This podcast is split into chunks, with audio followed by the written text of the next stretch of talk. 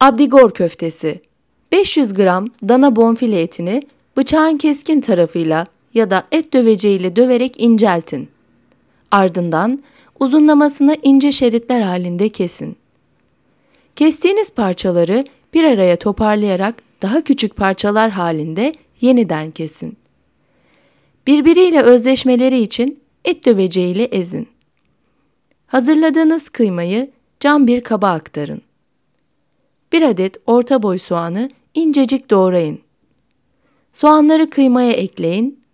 Hazırladığınız kıymanın içerisine azar azar bir su bardağı su ilave ederek yoğurun. Ardından bir adet yumurtayı ekleyin.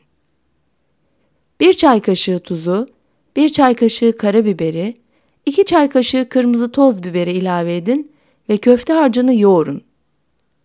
Köfteleri haşlamak için 1 litre suyu ayrı bir tencerede kaynatın.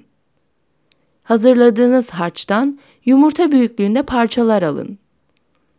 Islattığınız bir servis kaşığı yardımıyla kadın budu köfte büyüklüğünde şekil verin. Kaynattığınız suyun içerisine bir kevgir yardımıyla köfteleri bırakarak orta ateşte 8-10 dakika kadar pişirdikten sonra arzu ederseniz pirinç pilavı ile servis edin.